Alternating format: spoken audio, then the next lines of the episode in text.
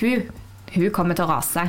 Og definitivt så kommer denne Mortmann, han kommer til å bidra. Hei og velkommen til Sølvbergets klassikerpodcast. Eh, sesongen här så leser vi jo Alexander Kjendats Gift og da leser vi to kapittel hver uke. Eh, och vi vil gjerne at ni leser med oss og vi vil gjerne at ni sender inn spørsmål. Og om ni deler på sosiale medier så kan ni tagge med eh, Vi leser gift. Eh, Så blir vi kjempeglade, og det, eh, det er god stemning her i studion. Jeg tror alle oss koser seg veldig med å lese to utomtale utom. Vi, eh, vi koser oss med å lese litt og litt og snakke om det hver uke. Og vi, har, vi får alltid eh, noen kommentarer og spørsmål, og mye kommentarer og spørsmål fra eh, andre ansatte her på huset. Og det er kjempegøy. Og eh, om ni ikke har gjort det än så kan alle som vil enten komme inn her på Sørberget og få, eh, få en bok gratis. Vi har jo lagt eh, nyoversettelse, eller nye utgave av, eh, av bøkene med eh, lettere språk. Eh, om ni ikke kan komme til Stavanger, så kan vi sende det i posten til dere. Det er bare å sende en e-post til eh, podcast.solberget.no. Eh, var det alt jeg skulle ha fått med meg? Jeg tror det. Ok, så har vi allerede etablert en tradisjon eh, mot Tales vilje, og det er at eh, Tale eh, forteller hva som har skjedd i de to kapitlene vi har lest. Det er kapittel tre og fire denne gangen.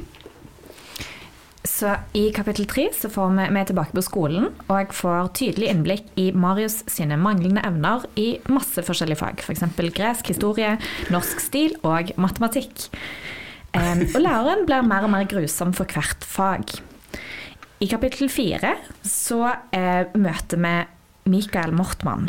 Eh, han er fra Bergen med utdannelse fra England. Og er kommet til byen for å finne investorer til, investorer til en ny fabrikk. Han og resten av de viktige menneskene i byen er invitert eh, på fest hos Løvdals, altså Abraham sine foreldre. Og der eh, holder fru Wenche, altså mora til Abraham, en brennende tale om feilene ved skolesystemet. Eh, og det finner gjenklang hos Mortmann. Eh, så sånn danner de to et forbund mot skolens ledende skikkelser, og det blir furore på denne festen.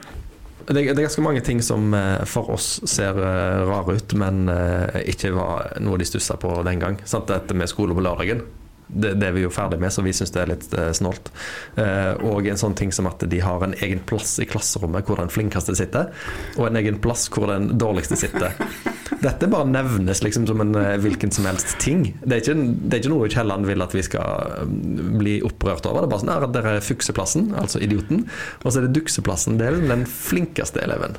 Ja, jeg vet ikke, jeg, synes nå han, jeg tror han vil at vi skal bli litt opprørte når stakkars lille Marius ikke får lest leksene sine fordi det er så mørkt på den dumme, dumme plassen bakerst i hjørnet. Det, dette er en motivasjon taler til at han må ta seg sammen og komme seg bort fra dette stedet. det. Han, om man kan si noen ting til hans forsvar, så er at han virkelig forsøker. Han er bare stendum, liksom. Han, får det til. han jobber jo døgnet rundt, stakkaren. Og så en annen sånn ting som jeg tenkte på, var at når de kommer på skolen lørdag morgen, så må de elde liksom, den ovnen i klasserommet. Så må de liksom fyre med det. For det er dritkaldt og helt, sånn som du sa, det er mørkt liksom, i, i kroken til Marius. Eh, Hvor i reglementet Thomas Gustafsson står det at elevene skal fyre når de kommer i klassen? La meg nå ta tak i ditt høyre øre, så du kan nå opp til reglene der du kan lese for meg høyt hvor dette står. Ja, det, var- det var jo en- det førte til store, eh, store trøbbel for han som elda. Jeg husker ikke hvilken av elevene var som elda. Eh, Det var Morten. Og så kommer eh, Åsmunds favorittparti, der eh, Morten Bakstreven får et slag i bakhodet. Ikke et slag, men en sånn smack. Liksom. Ja, men hvis jeg skal si noe om kapitlene jeg da, så i, i sånn klassisk eh, historiefortellingsteori sant? De som skal skrive filmmanus, snakker om det her, tror jeg, at en scene skal bare være med hvis det enten eh, utdyper karakterene eller driver plottet framover. Og kapittel tre er jo sånn sett litt unødvendig. Vi har jo fått etablert i kapittel én at skolen, eh, lærerne der, er forferdelige. Eh, Men i tilfelle vi har glemt det på de 15 sidene som er gått, så kommer kapittel 3 med liksom en, en enda større grusomhet.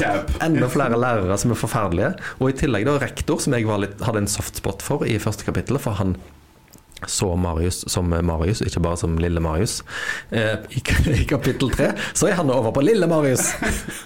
Da, er, da skal rektor òg liksom eh, ned i i gjørma med de andre lærerne. Han holder de i, i øret, han slår de i hodet. Han kaller Marius for Lille Marius, og han leser opp denne stilen om Han leser opp denne stilen om Danmark, som jo tross alt er Er den så dårlig, da? Nei, Altså, det er vanlig. Den stilen er vel helt Altså De sitter der med, uten Wikipedia, uten leksikon, og skal si noe fornuftig om dansk klima og folkeferd.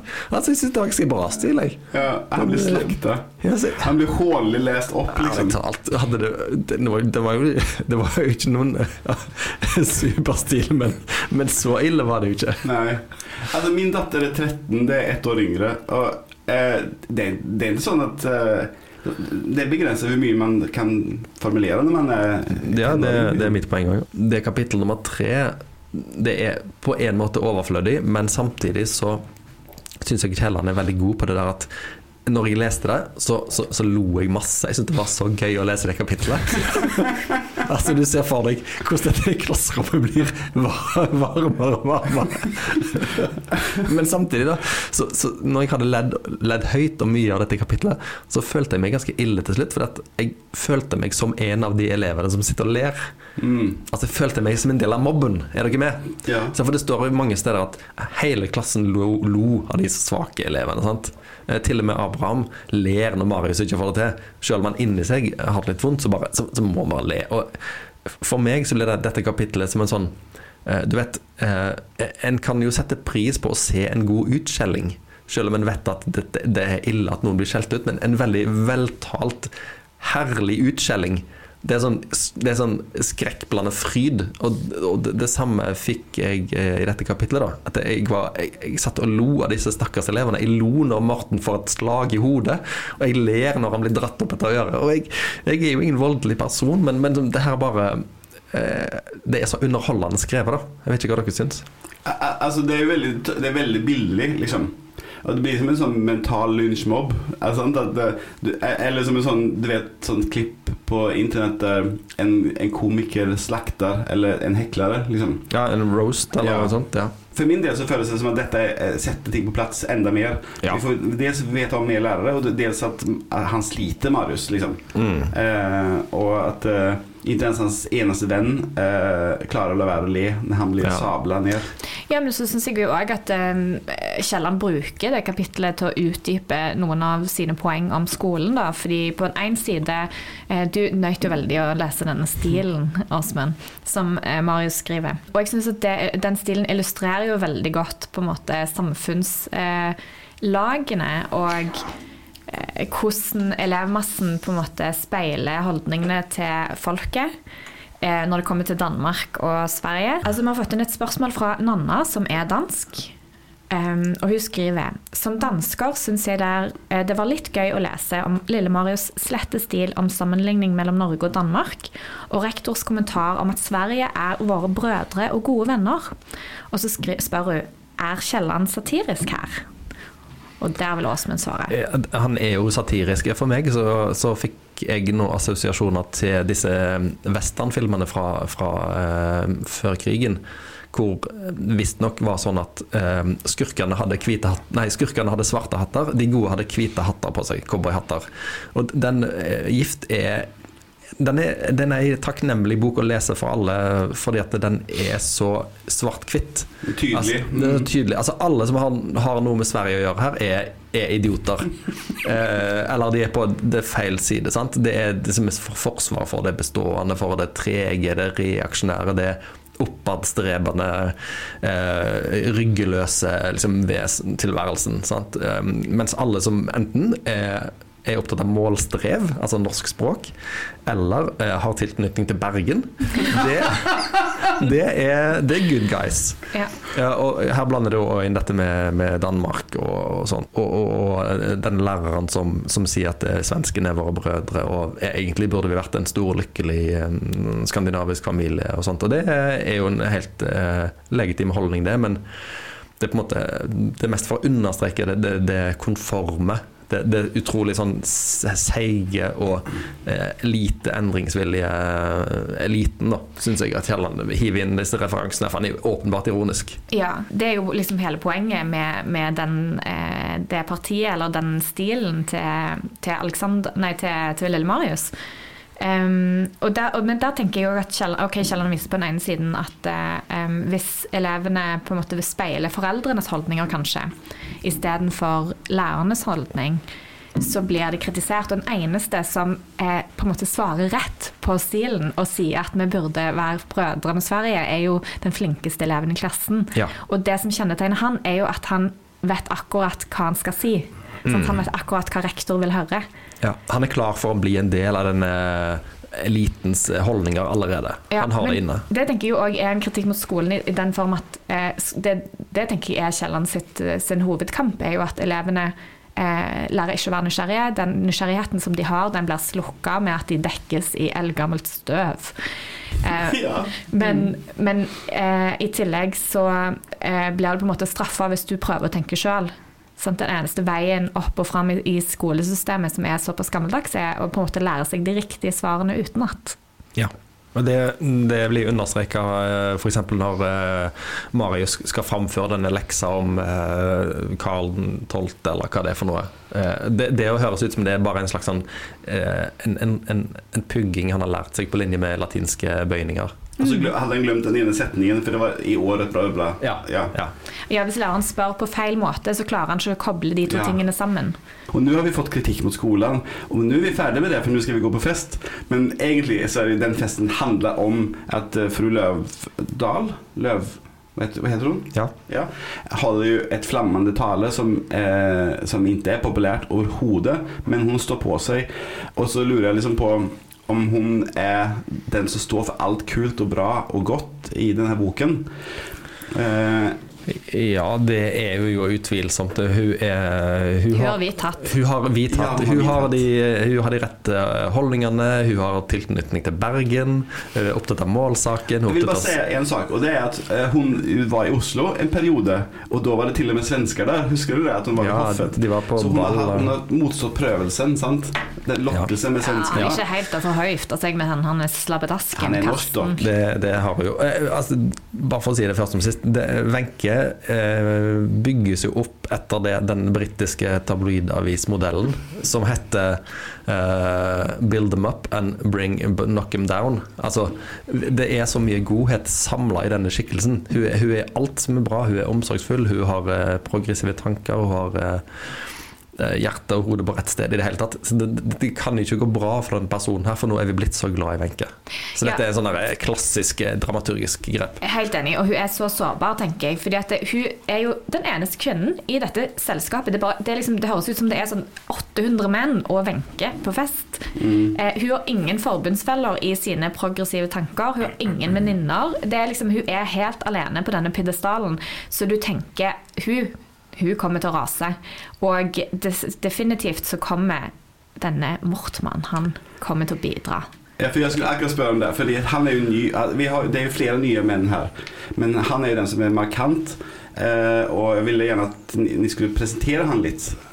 Ja, han er jo òg en fyr som, eh, som etter min mening Det er først i kapittel fire at, dette, at gift blir en historie. Det er først her vi ser noe form for plott. For at, noe, for at noe skal være en historie, så må på en måte eh, det, det, må være noen viljer som brytes, det må være noen konfliktlinjer, det må være noen kryssende interesser. Og ok, det er kryssende interesser mellom elevene og lærerne, men, men den er så fastlåst. Maktforholdet er, er, så plassert. Men når Mortmann kommer inn, så, så rører Kielland i gryta, virkelig. For her har vi en Det er penger inne i bildet. Eh, og han, han, frir på en måte til eh, Karsten Løvdahl sin økonomi for å få han til å investere. Samtidig så blir han veldig fortjust i Wenche. Eh, samtidig som han legger seg ut med alle de andre mennene i lokalet fordi han har så, så radikale meninger om skolen. Ja, for Han er helt så, enig med Wenche her. Han, han, står på hennes side. De, ja, de argumenterer på samme måte. Han, han står på Wenches side. Så han, eh, Mortmann er, er, et ekstremt bra eh, plottelement fra Kiellands side. Det kommer en fyr utenfra som begynner å, å, herje med disse etablerte, faste strukturene. For du sa jo i forrige episode Tale, at du tenkte at eh, denne boka er ferdig. Mm. Og det, det ville han vært hvis det ikke hadde kommet en, en, en outsider inn og liksom eh, dytta folk til sine ytterposisjoner. sant? Nå, nå, nå får, vi, får vi vite at eller det har vi jo skjønt lenge, men at, at Wenche lever i et forferdelig trist ekteskap. Og i, det, i dette kapittelet så er det to ganger hvor Wenche liksom holder denne Mikael i begge hendene. Og hvis du holder noen, noen i begge hendene, så må du se de rett i øynene. Sant? Og hun fikk et blikk som hun ikke hadde fått på lenge, og bladi, bladi, bla. Sånn at det, her skjer det ting. Så Uh, han er òg, i likhet med Wenche, en, um, en fyr som er for god for denne verden. Han, han Ja. har alle de rette holdningene. Han, han, eh, og og liksom, bare i løpet av dette kapitlet så går han fra sitt kjedelige, tilkneppa engelske eh, vesen til å liksom få kontakt med sitt bergenske Ja, der kom det igjen. Sitt bergenske indre. Og, og, og liksom det bruser i alle kanaler fordi at han er blitt både litt forelska i Wenche og veldig forelska i å kritisere skolen. Og så er han litt sånn sur fordi at han ikke får eh, napp på pengene til Abraham, til Ja, sin far. men det er jo akkurat det, fordi han, Mortmann er jo liksom eh, Han er jo mellom to verdener, fordi kanskje hans egentlige jeg, dette vakre innerste, er det som, som knytter han til Wenche. Men eh, han er jo òg en iskald kapitalist som kommer der for å lure byens befolkning til å investere i en fabrikk som kanskje ikke kommer til å gå så bra. Og hvis den ikke går så bra, så er det ikke så farlig, for det er jo andre folk sine penger han da mister. Mm. Ja, for det, det, en av de tingene, Han er jo fra Bergen sant? og han kjenner Wenche fra før. De, de kjente han da när de var yngre. Og når vi lærer kjenne Mortmann, så sier hun hva er det hun sier? Fru Löfdahl følte seg svært skuffet over Mortmann. Hun husket han som en begeistret målstreber og taler for kvinnen, for folket og det folkelige. Nå kom han igjen som en stiv englender og gikk hele dagen og pratet med kjedelige mennesker om soda og benmel. Ja. Og det er jo det som er grunnen til at han blir så på en måte fanga av Wenche sin tale. Fordi han eh, har prøvd så hardt å få eh, på en måte eh, de rikes gunst i denne byen og få Karsten Løvdahl til å investere. Har ikke lyktes. Så holder han en tale på middagen han er invitert på, hvor han driter seg litt ut fordi han er litt for bergensk for Ja. Det er helt utrolig. Altså, er denne boka her sponsa av Bergens Handelsstand, eller hva er greia? Det, det, jeg har skrevet på side, øh, en eller annen side i boka mi at uh, Kielland han, han er veldig opptatt av geografi her. Han skriver mye om Kristiania, om Bergen, og om Sverige og om Danmark. Og, men han, vil, han har ikke lyst til å si hvilken by denne boka foregår i. Det står på, igjen, da. på ene sida så har jeg skrevet sånn Skriv Stavanger, din gjøk. For det er, det er så lett å forstå hvor det egentlig foregår, men han vil ikke si det rett ut. Men eh, det der med at han kom i denne herreklubben og i, i denne navnløse byen han nå er, så, så har de ikke humor. De sitter og er sure, og de er sånn eh, haugianske, litt sånn strengt kristne. Og, men i Bergen derimot, der ville den talen ha fått alle til å danse på bordene. Ja. For han hadde, han hadde forberedt seg og snakka sånn kjedelig til dem, sant? og så ble han grepet av seg selv og ble for bergensk. Men annars så står det sånn at eh, når han, han tenker til, til seg selv, så, han, så står det sånn Han lo når han husket at han en gang hadde vært begeistret målstrever, og at hans ideal hadde vært å leve i, for og med folket. Og så Det engelske velværet med den evige bading og vasking hadde forandret smaken hans og skilt ham fra folket. Ja, det, eh, engelskmennene også en sånn smack. det, det, det, det skifter veldig fort her. Han, det skal ikke mer til enn en, en kveld i dette huset her, og så har han rista av seg alt sitt kjedelige og, og liksom funnet tilbake til eh, den han egentlig er, da. Eh, Men i tillegg en knallhard kapitalist eh, under den litt etter hvert mer fluffy overflaten. Det Hva er det som er ekte, hva er det som er ekte uh, han, da? Kan man ha begge? Det, det får vi vel se etter Ja. men, uh, hvilken side av han som uh, vinner fram. Ja, og jeg tenker jo dette er jo liksom eh, noe sikkert mange kan kjenne seg igjen i, eh, som er dessverre for mange en del av livet. Å ha liksom masse store politiske engasjerte tanker i ungdommen, og så vokse opp og vokse inn i, eh, i den samme rollen som du har avskydd foreldrene dine for tidligere. Så det tror jeg er jo, det er jo noe veldig gjenkjennelig i, i denne karakteren Mortmann. Mortmann er et, et velkomment innslag, vil jeg si her. Og um, eh, er den som tror jeg skal drive intrigen eh, videre. Sist vi snakket jo om dette med skolekritikk sist gang også, Mm. eh, og da var ingen av oss spesielt imponerede eller engasjerte i denne kampen. Har det funket bedre på dere nå? Jeg Føler dere mer eh, Føler dere kampgløden våkne i dere? Eh, er jeg syns det er et fantastisk kapittel, det er kapittel nummer tre, med, med der, eh, de stakkars elevene som blir hunsa og drept ut på sånne, sånne utrolig sånn spissfindige måter. Når, når, når eh, han eh, mattelæreren, er det vel, begynner å snakke til Marius på latin. eh, og si at du må ikke gjøre mor di lei seg for at du nå kommer til å stryke i dette faget eller i, i skolen. Altså Det er så utrolig sånn kirurgisk mobbing av enkeltelever som jeg virkelig håper ikke foregår i, i norsk eller noe som helst skole i dag. Ja, og så tenker jeg òg at em, på en måte så er det jo lett å ta avstand fra dette det snakket vi om i forrige episode òg, fordi eh, mange av de kampene som Kielland fører i Gift, er allerede vunnet i dag. Men um, det jeg tenker òg blir veldig tydelig i kapittel tre, er at eh, noe av kritikken er overførbar. fordi når elevene blir så gamle som de er her, så eh, blir det mer og mer krav til hva de skal lære og hvor mye de skal kunne. De har kjempelange skoledager, de har utrolig mange fag, så de blir helt sånn overlessa som gjør at nysgjerrigheten deres de drepes. Og det tenker jeg kan være overførbart til dagens skole òg, at det er så mye som elever skal komme over ifølge læreplanen, at det, det føles helt sånn overveldende. Og at det er ikke rom for å tilpasse det til den enkelte eleven sine behov. Heller ikke i dagens skole. Mm, Jeg tror mange vil eh, kjenne seg igjen i den eh, formuleringen som står tidlig i kapittel eh, tre, er det vel, med at etter hvert så er det bare det som skolen etterspør av kunnskap, de eh, gidder å ta inn eller blir nysgjerrig på. Det, det, er ikke, det, det fortrenger alt annet. Og Sånn er det jo i dag òg, med dette jaget etter å få karakterer, for å komme seg inn på en utdanning, for å kunne, kunne bli det du vil. At det, jeg tror nok mange som leser boka i dag, hei alle dere der ute, eh, og eh, kjenner seg igjen i de formuleringene. Jeg syns at det en sånn eh, dramaturgisk sett er en, en bra oppdeling med at kapittel tre viser hvordan de har det, og kapittel fire er, er det på en måte sett fra et voksent blikk, eller en mer sånn eh, akademisk blikk, da. Eh, At, så vi får belyst fra begge typer. At vi, vi, først får vi se hvordan de har det, og så får vi se liksom, på, med litt mer sånn vitenskapelige ord da, hva som er galt, på en måte. Så for, for min del så er det en ganske, ganske god eh, kampanje. Ja, Noe av det du likte best, tror jeg, Åsmund, var jo dette barneperspektivet i kapittel tre, når vi får på en måte være inni hodet til Marius i mattetimen, og han eh, ser på denne X-en på tavlen og tenker sånn Åh, og den blir jaga fra side for side, og nedover på tavlen, og, og så er det bare et tall til slutt. Ja, Altså. jeg, jeg kan ikke lese det høyt, for da ler jeg meg i hjel. Det Ja. er så bra skrevet.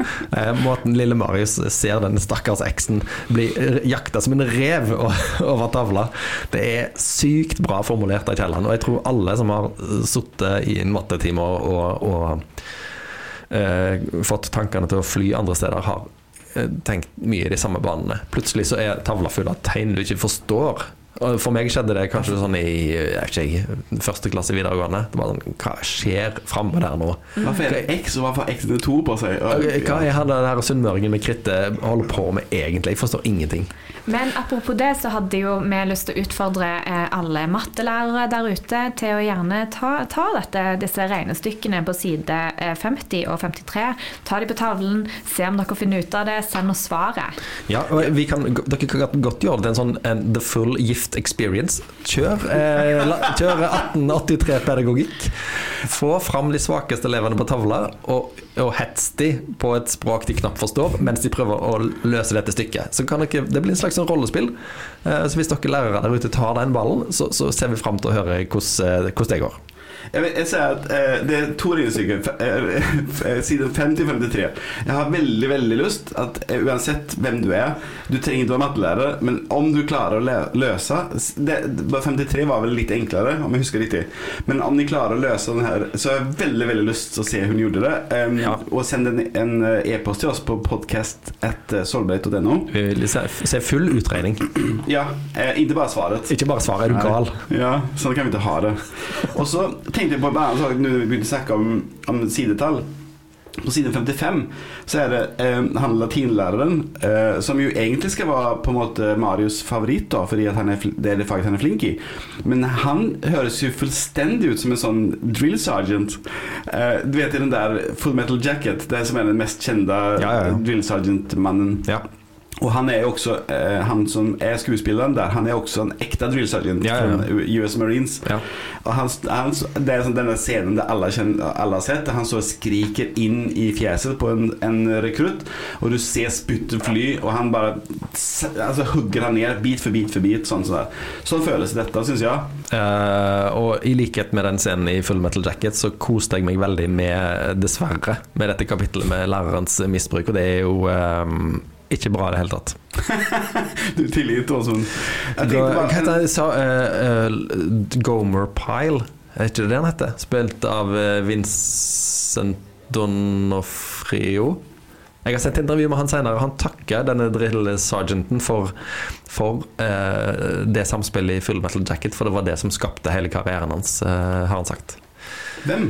Eh, han, eh, han som spiller den rekrutten. Oh, okay. Han som blir wow. utskjelt. Han, han er så takknemlig for den scenen, for den har på en måte gjort eh, karrieren hans. Han er jo hjernen til han. Ja. Spørs om lille Marius er like takknemlig. Ja. godt poeng. Um, ja, for den her, den her scenen som du snakket om også, med at um, Mortman holder hendene til fru Løvdahl, så, um, så står det sånn som dette. Da Mikael Mortmann sa god natt til vertinnan, rakte hun ham igjen begge hender og takket ham varmt og muntert for hans gode hjelp. Han svarte med noen høflige ord, men så henne samtidig rett i øynene, og hun, som ikke hadde fått et slikt blikk på lenge, slapp ham og vendte seg mot de andre. Det det, det er stemning. Ja, it doesn't get more obvious, sier jeg bare. Og at, eh, at hun er enten forfjamsa eller føler likt. Det er jo egentlig litt provoserende at eh, denne her samfunnsengasjerte kvinnen ikke kan få lov til å bare være samfunnsengasjert og få støtte i det. Hun må òg bli forelska i Mortmann og antageligvis ha et utenomekteskapelig forhold med han, og så bli revet ut i skammens renner i løpet av boken. Og det hadde vært kjekt om hun hadde fått lov å være bare en smart dame. Enig. Ja, men blir det drivende litteratur av det? Blir det problemer satt under debatt? Som jo vi er, Dette er veldig- vi er, det er realismen der, sant? Men nå vil jeg si noe. Det er, dette, er et, dette er et innblikk på hvordan vi har det før alle podkastmøtene. Det Åsmund terper på som en drill sergeant. Det må være konflikt. Vi må ha konflikt. Eh, eh, så nå får ni se. Det er dette som, sånn her har vi det. Åsmund er sjef, og han er stenhård. Ja. Og dere er så takknemlige for at det skjer. Ja, hva var, unnskyld, jeg avbrøt deg. Hva skulle du si? Nei, jeg skulle ikke si noe spesielt, men at det, det er jo um, Vi er jo midt i den epoken som kalles realismen i litteraturen her, og da skal jo uh, litteraturen per definisjon sette samfunnsspørsmål under debatt. Og i Wenche så får en jo samla mange samfunnsspørsmål. En får både snakke om skoleproblemet og eh, eh, romanseproblemet, holdt jeg på å si. At det at kvinner eh, ja, Det er kanskje ikke et samfunnsproblem, men det er kanskje mer at, at, at eh, rommet som eh, kvinner var tildelt i romaner på den tida, var liksom som hustru, som partner. Ja. Og, og bare ha en, en, en, en, skolepolitiker kunne kanskje funka i vår tid, men Men det er jo òg noe som, ja, som er jo tydelig, det kommer jo tydelig fram i altså, fordi Når hun kommer og ytrer denne kritikken mot skolen i et rom fullt av lærere og rektoren, så er det jo helt Det er ikke dårlig stemning, det er liksom god stemning, fordi at det er ingen som føler seg støtt eller trua av Wenche, for hun er jo bare en kvinne. ja, det Den- Den setningen kommer igjen igjen og igjen. At hele tiden bare sånn at det, det er ikke sånn at det, noen sier det høyt, men også at Kielland skriver det til oss, på en måte. At dette blir egentlig ignorert, fordi det var jo bare en dame. Sant? Mm. Og det, det står noen ganger i det første kapitlet, men her er det ofte. Ja. Og at hun på en måte blir sånn det er fort, Alle ler fordi det, det tar jo på, og så blir det kanskje verre når han Mortmann går inn. Men likevel så er det hun som har starta det, og det blir ikke en ekte krangel fordi at det bare er en dame, liksom. Ja, men det blir jo en ekte krangel fordi Mortmann kommer med. Men Ja. hun, trenger liksom, hun trenger en mann på sin side for å bli tatt alvorlig. Men jeg vil si at hun vinner jo denne kvelden. Hun gjør jo det. Hun, hun, hun vinner jo. Og, og så elsker en av mine favoritter Jeg vet at eh, Åsmund elsker vold og fornedrelse, men en av mine favoritter er eh, når hun i slutten på kvelden så Hun skal gå og si god natt til sin sønn. För eh, hun har jo vært med männen og diskuterat egentlig hele kvelden. Veldig befriende.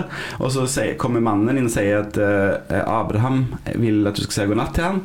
Eh, og så sier ja, jeg skal gjøre det. Og så sier men du, eh, hva, hva, hva hadde du hatt lyst til skulle være da? Liksom, eh, hur ville du skolen skulle være? Hvilke emner for eksempel, skulle du ha? Så ramser hun opp hvilke emner hun vil at du skulle hatt med på skolen. Og så sier hun noe, det var feil, da, bla, bla, bla. Og så, eh, til eksempel politikk. Hun vet hun skal undervise i politikk. Og så sier en mann Å, men Gud forbarmer seg, va? Skal vi nå også få se det at guttunger skal debattere politikk som om de er voksne? Og så svarer hun han sånn, hun sesser han så sinnssykt, og hun bare, hun bare vinner. Og så sier hun sånn Synes her adjunkten så meget bedre om det ikke sjeldne syn at voksne debatterer politikk som om det var guttunger. Og så Ja. eh, Fru Wenche sendte den unge mannen et smil og skyndte seg av sted. Det var sånn mic drop, liksom. Dette er 120 år før tiden. Burn. Ja, det var, det var kjempe Jeg, jeg elsker det, for hun, hun vinner jo fordi hun har så gode argumenter hele tiden. Og så i tillegg gjør hun dette, da. liksom Men så tenker jeg at Det er liksom noe av det positive med denne diskusjonen, eller det viktige med Wenche. At hun eh, får folk til å tenke på ny om, om liksom sånn samfunnet er. Eh, og mange av de som ikke jobber hos skolen, altså disse kjøpmennene f.eks., er kanskje mer enige med Wenche enn de visste. Ja. Eh, så hun eh, fremmer demokratiet ved å ta opp disse diskusjonene på denne kjedelige festen. Åsmund har rekt opp hånden. Jeg tenker jo at det er jo eh, nærliggende å tro at det er forfatteren sjøl som eh, taler gjennom Wenche her. Han bruker Wenche som en sånn kanal for sine meninger, og det er han jo i sin fulle rette. Og jeg kom til å tenke på sånn eh, Hvis en er med i en sånn bibelgruppe, så, så tror jeg en ofte begynner kvelden med å lese et bibelvers sant, som er som aktuelt for eh, tid eller sted eller årstid eller hva det skal være. Og mange av de setningene som Wenche kommer med her, det, det burde vært sånn som de leste foran hvert FAU-møte på skolen.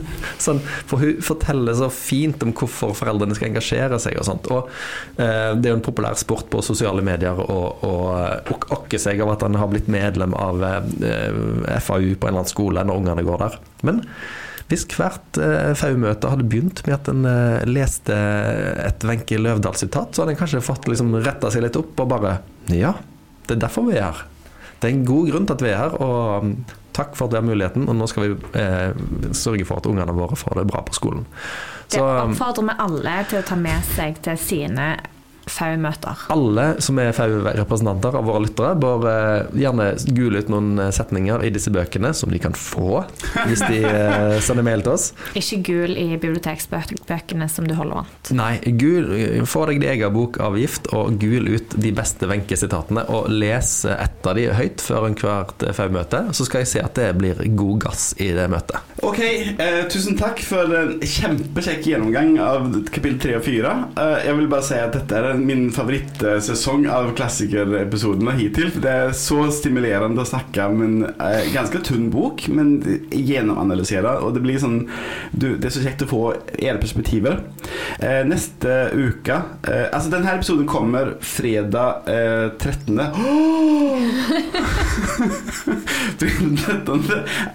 Det blir dessverre ingen episode neste uke, for da er vi alle sammen døde. Ok, og episoden efter kommer fredag eh, den 20. Eh, og da skal vi snakke om kapittel 5 og 6. Eh, vi har ingen aning hva som skjer i de, eh, i de kapitlene. Vi har eh, aning om at det er noen, en ny scene fordi at en kollega av oss hørte på lydboken som Tor- Tore Reme leser inn. Og da klarte hun ikke å stoppe i tide, så det kommer inn på, på kapittel 5. Men vi gleder oss veldig. Send inn spørsmål til oss på podcast.survey.no. Kom inn og hente bok om dere vil ha det, og tagg gjerne med 'Vi leser gift'. Tusen takk, Tale og Åsmund, for at var med. Ha det bra. Ha det!